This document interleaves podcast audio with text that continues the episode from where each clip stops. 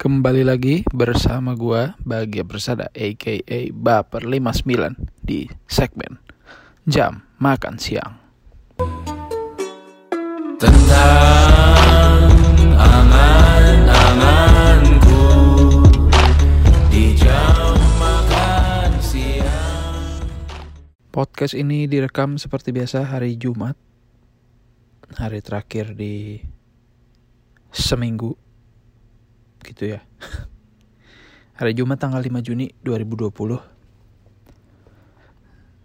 Setelah minggu lalu absen karena oke, gue langsung jujur aja. Minggu lalu absen itu sebenarnya niatnya tuh nggak mau absen. Niatnya itu mau tetap upload. Jadi minggu lalu tuh semestinya jam makan siang nih ngomongin gua dari sisi melankolis gitu ya. Pokoknya galau-galauan lah. Terus gua udah rekaman nih setengah jam. Sekitar hampir mau 30 menit lah. Nah kan di edisi itu gua secara terbuka gitu ya menceritakan tentang seseorang lah dari masa lalu udah rekaman setengah jam terus gue sedih sendiri gitu anjir. Langsung bener-bener kayak ah keluar sisi melankolisnya tuh emang langsung keluar di situ juga gitu loh.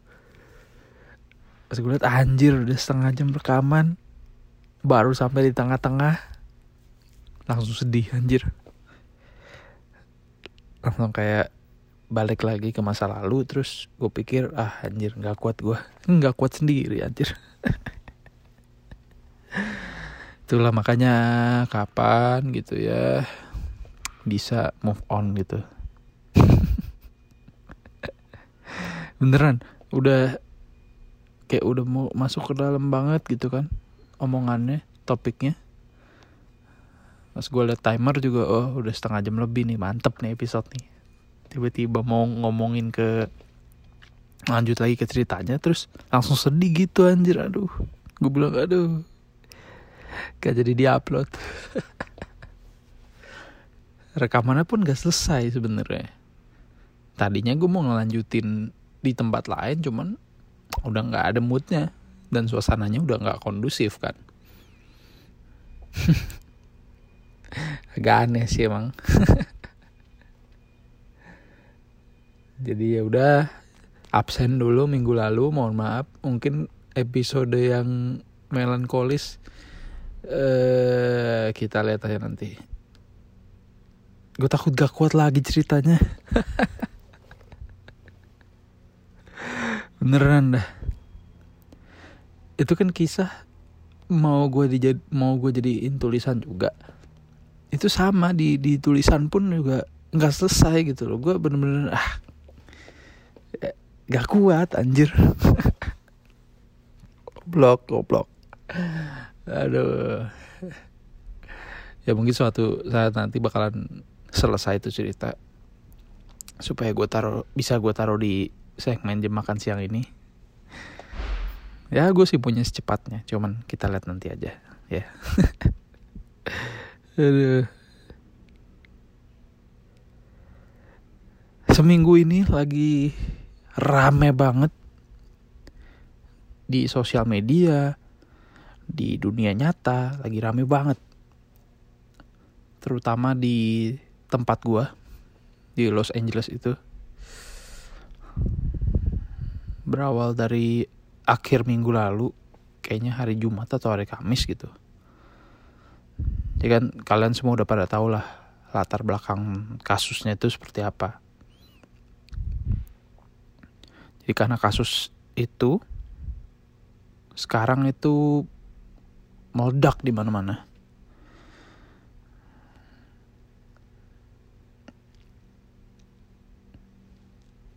Tentunya kita ngomongin kasus kematian George Floyd. Di mana-mana orang menyuarakan pendapat mereka, di mana-mana orang protes. Gak cuma dari orang kulit hitamnya itu sendiri bahkan ya pokoknya semua orang semua orang yang peduli yang mendukung. Itu udah protes udah gila-gilaan banget sih kalau menurut gua sih. Ya sampai kerusuhan puncaknya. Nggak terkecuali di kota-kota gede yang ada di Amerika tuh rata-rata kerusuhan sampai toko-toko pada dijarah. Sampai menimbulkan keributan sampai bakar-bakaran. Pokoknya ya benar-benar rusuh aja. Tapi kita harus salut. Gue salut sama para warga yang ikut dalam protes ini. Karena kita harus ingat juga ini kita masih ada di dalam suasana pandemi virus corona di Amerika sendiri itu masih nomor satu kasus terjangkitnya.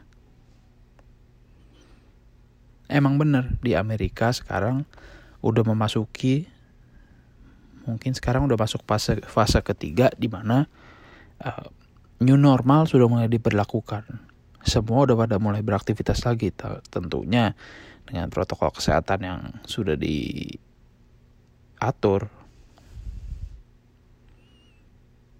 Tapi sejak adanya kasus George Floyd ini kayak hilang aja gitu corona. Semua orang lupa sama corona.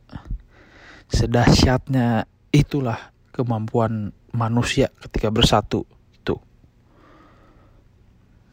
Media di sini yang tadinya setiap hari beritanya virus lagi.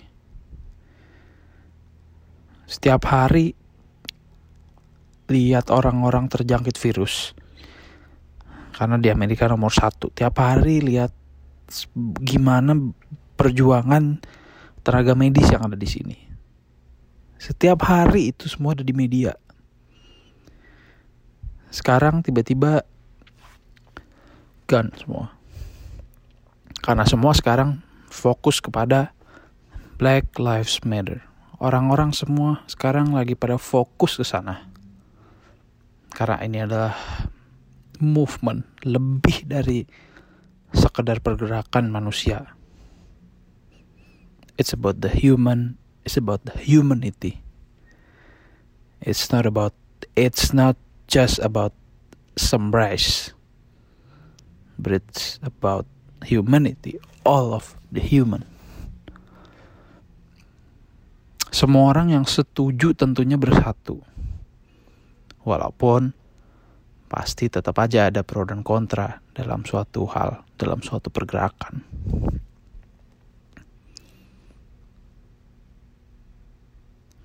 Menyuarakan pendapat itu adalah hak dari setiap umat manusia yang ada di bumi. Jadi ya udah bebas gitu loh. Karena udah ada ketentuannya gimana caranya.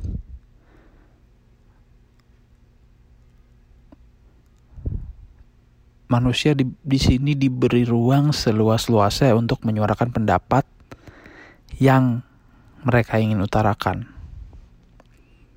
The freedom of speech. Jadi, walau bagaimanapun, yaitu hak mereka. Mereka benar-benar memperjuangkan ini bukan cuman baru sekarang gitu udah dari zaman dulu, udah dari zaman dahulu kala, udah lama banget perjuangan ini. Bisa dibilang gak selesai-selesai.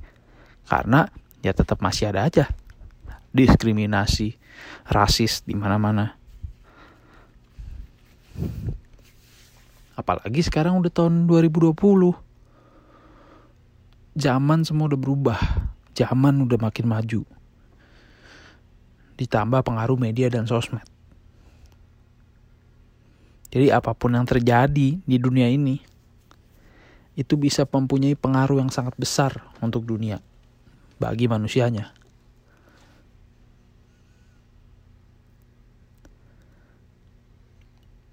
Makanya ya kita nggak boleh. Kayak ngatain mereka yang ikut berpartisipasi gitu. Karena itu hak mereka. Memang patut disayangkan bahwa ada beberapa kasus penjarahan toko-toko maupun toko besar ataupun toko yang kecil.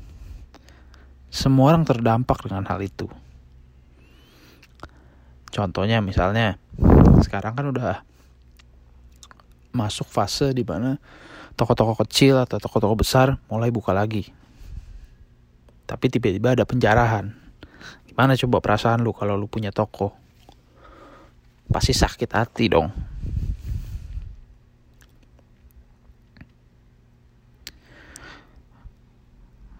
Kenapa mereka bisa nekat gitu ngelakuin penjarahan? Karena mereka udah muak dengan semua ini. Ini kayak luka yang ditumpuk-tumpuk. Sakit yang ditumpuk-tumpuk. Sampai udah pecah gitu. Jadi ya udah mereka mengeluarkan semua yang ada di dalam diri mereka, hancur aja. Karena luka ini tuh udah dari lama banget. Kasus ini udah ada dari zaman nenek moyang mungkin.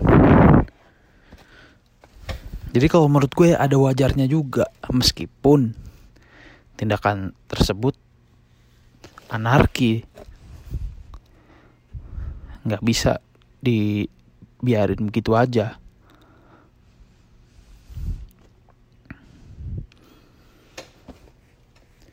Hal itu sih yang cukup disayangkan terjadi. Jadi buat para business owner mungkin ya gimana? Cuman bisa sabar lah kayaknya. Anggap aja ujian selanjutnya di dalam hidup yang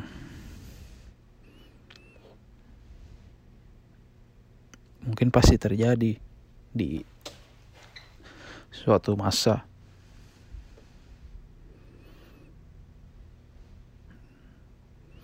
tapi mungkin dengan kejadian ini pun business owner ke depannya akan semakin maju.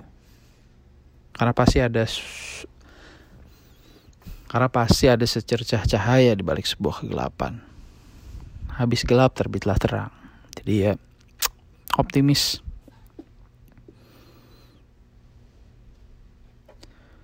Sampai detik ini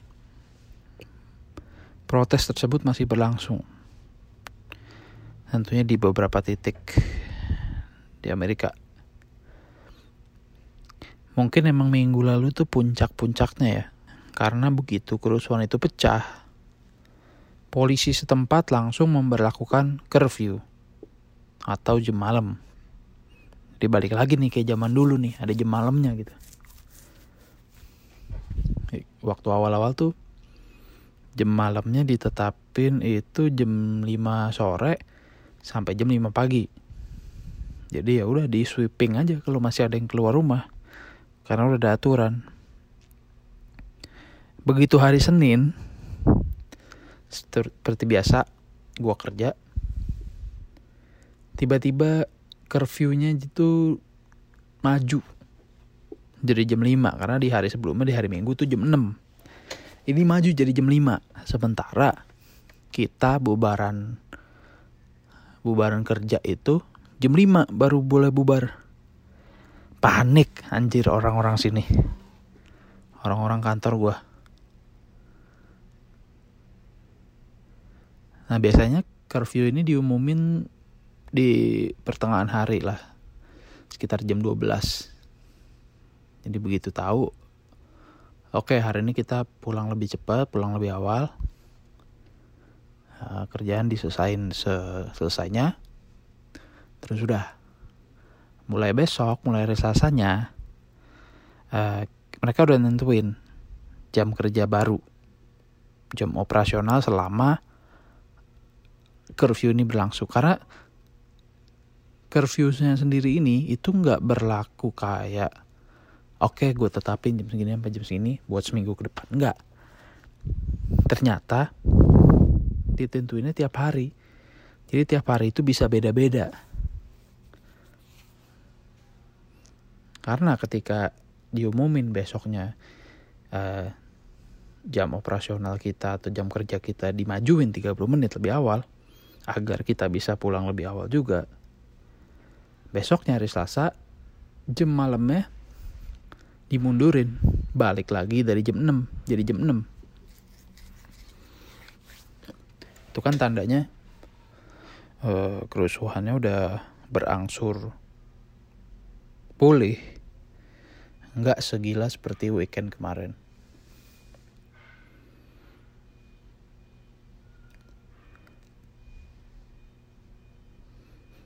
Tapi ya kita semua di sini tetap was-was dengan apa yang akan terjadi di luar kita nggak pernah tahu ya. Cuman di posisi gue sekarang di posisi kerja tempat kerja aman di rumah juga aman karena ya rumah bisa dibilang cukup jauh lah dari pusat kota karena biasanya eh, protesnya berlangsung di tengah kota gitu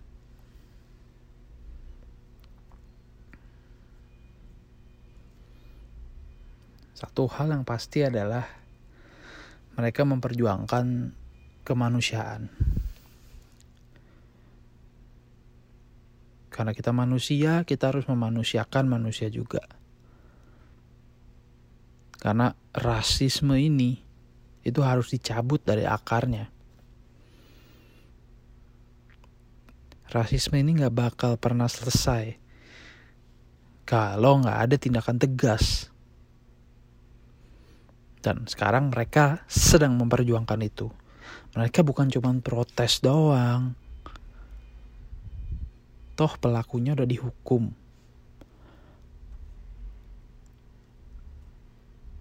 Mereka nggak cuma pengen pelakunya dihukum doang, and that's it, nggak. Mereka itu memperjuangkan kemanusiaan. Kalau menurut gue mereka nggak akan berhenti sampai ada sebuah langkah tegas dari pemimpin. Gimana caranya untuk supaya gak ada lagi kasus rasisme yang naik ke permukaan. Nah, ketika hal itu terjadi, diharapkan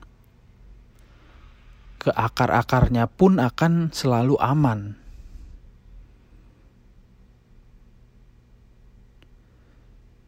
Gua pernah jadi korban rasis.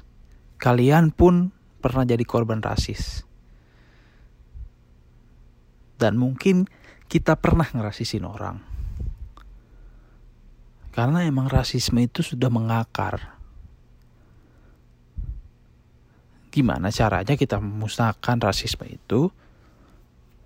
Ya kita menyuarakan pendapat kita. Kita ini harus bersatu. Gak ada yang lebih Gak ada manusia yang lebih spesial daripada manusia yang lainnya. Semua manusia diciptakan sama. Makanya orang-orang putih, orang-orang kulit putih yang masih bilang atau sekarang mereka maunya bilang all lives matter, semua berhak hidup. Bukan cuma black lives matter. Mereka bilang gitu karena yang mereka punya privilege. Gua juga sempat beberapa kali debat sama orang-orang sini. Karena mereka mendukung juga All Lives Matter. Ya nggak masalah. Itu bener. Cuman yang lagi diperjuangkan sekarang adalah orang-orang kulit hitam. Jadi ya kalian minggir dulu, kalian punya privilege. Gak usah jauh-jauh contoh kasusnya. Misalnya di pekerjaan aja. Misalnya ada posisi kosong akan diisi dua orang yang sama. Kualifikasinya sama, kemampuannya sama, semuanya sama. Yang beda adalah satu orang kulit putih, satu orang kulit hitam. Di satu sisi, pasti orang putih yang selalu akan diutamakan gitu. Itu udah terjadi dari dulu banget, itu pasti terjadi di mana-mana. ya lu nggak bisa bilang kalau misalnya itu ada di perusahaan punya orang kulit hitam atau di daerah yang mayoritasnya berkulit hitam.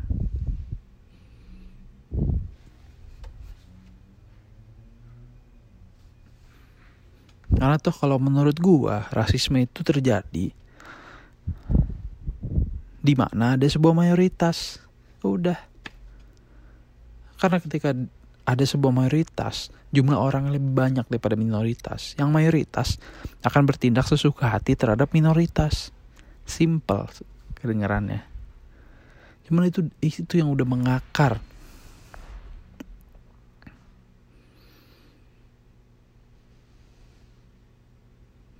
Maka coba lihat keluar, coba jalan keluar. Coba rasain. Gimana rasanya dirasisin?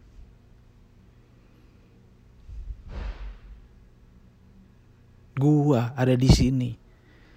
Gua ada di Amerika. Karena apa? Karena gua adalah korban rasisme di Indonesia. Bukan secara langsung ke gua, tapi ke bokap gua yang terus berdampak kepada anak istrinya.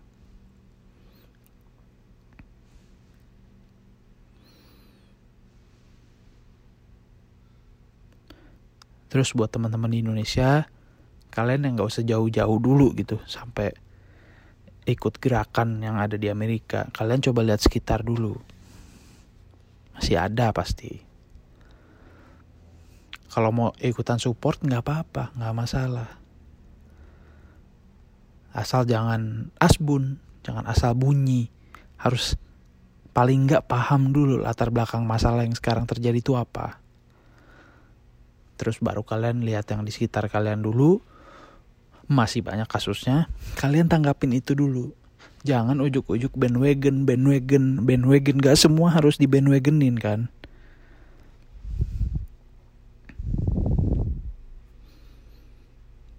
Buat yang diem doang, ya itu hak lu. Terserah. Ini pilihan. Bersuara atau enggak itu pilihan. Buat yang memilih untuk diam, bagi mereka mungkin itu nggak masalah, itu pilihan mereka. Bagi kita yang memilih untuk bersuara, kita jangan menghakimi yang pilihannya diam, itu pilihan mereka. Jangan langsung dijudge kayak ah diam aja nih mah nggak punya simpati, nggak punya empati, nggak nggak nggak nggak nggak. Itu pilihan. Mereka memilih diam itu mungkin bagi mereka mereka punya beberapa alasan kenapa mereka eh diem aja. Mungkin kurang paham dengan situasi. Mungkin nggak mau ribet. Yang jelas jangan judge mereka ignorance karena hal itu. Karena diam atau bersuara bagi gua itu adalah pilihan masing-masing pribadinya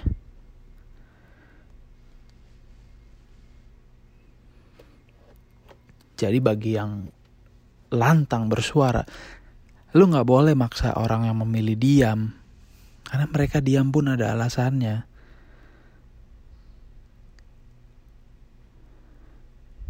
Ntar orang yang diem tiba-tiba bersuara, lu nyinyirin juga, gitu. Jadi ya serba salah.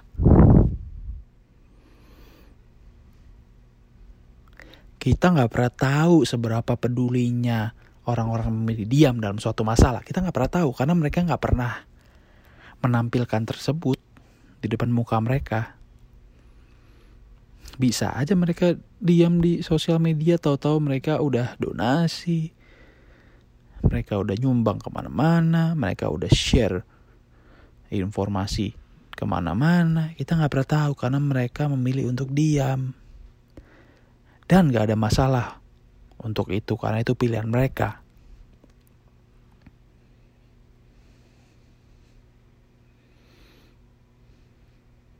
Ya harapannya semoga tercapai lah apa yang diinginkan oleh para demonstran ini.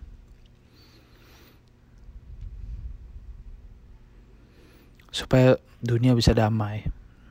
Ini masih di pertengahan 2020, udah banyak banget hal gila yang terjadi di tahun ini. Di tahun gila banget ya.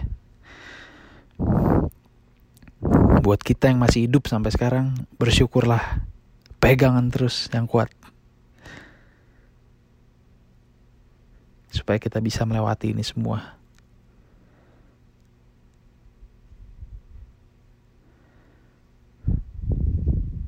Jadi gue tetap ada di sisi Black Lives Matter. Apa pun yang terjadi, kita harus adil. Kita nggak boleh rasis. Karena kita hidup di dunia dengan beragam warna dan isinya. Segitu dulu dari gua. Sampai ketemu di jam makan siang berikutnya. Cabut dulu. Dah. Tentang angan-anganku di jam